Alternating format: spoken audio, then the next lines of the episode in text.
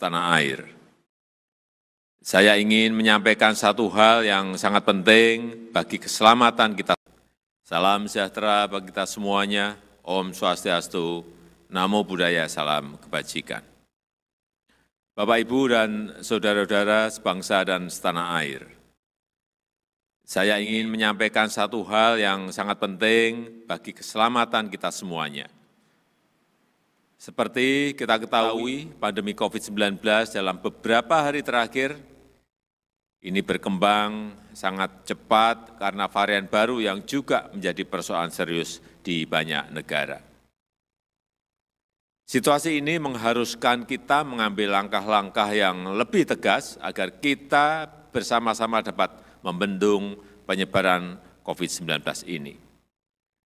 Setelah mendapatkan banyak masukan dari para menteri, para ahli kesehatan, dan juga para kepala daerah, saya memutuskan untuk memberlakukan PPKM darurat sejak tanggal 3 Juli hingga 20 Juli 2021, khusus di Jawa dan Bali.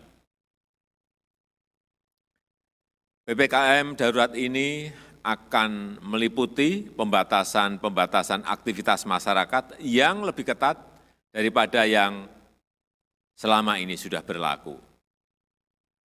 Secara terperinci bagaimana pengaturan PKM darurat ini, saya sudah meminta Menteri Koordinator Marinvest untuk menerangkan sejelas-jelasnya secara detail mengenai pembatasan ini.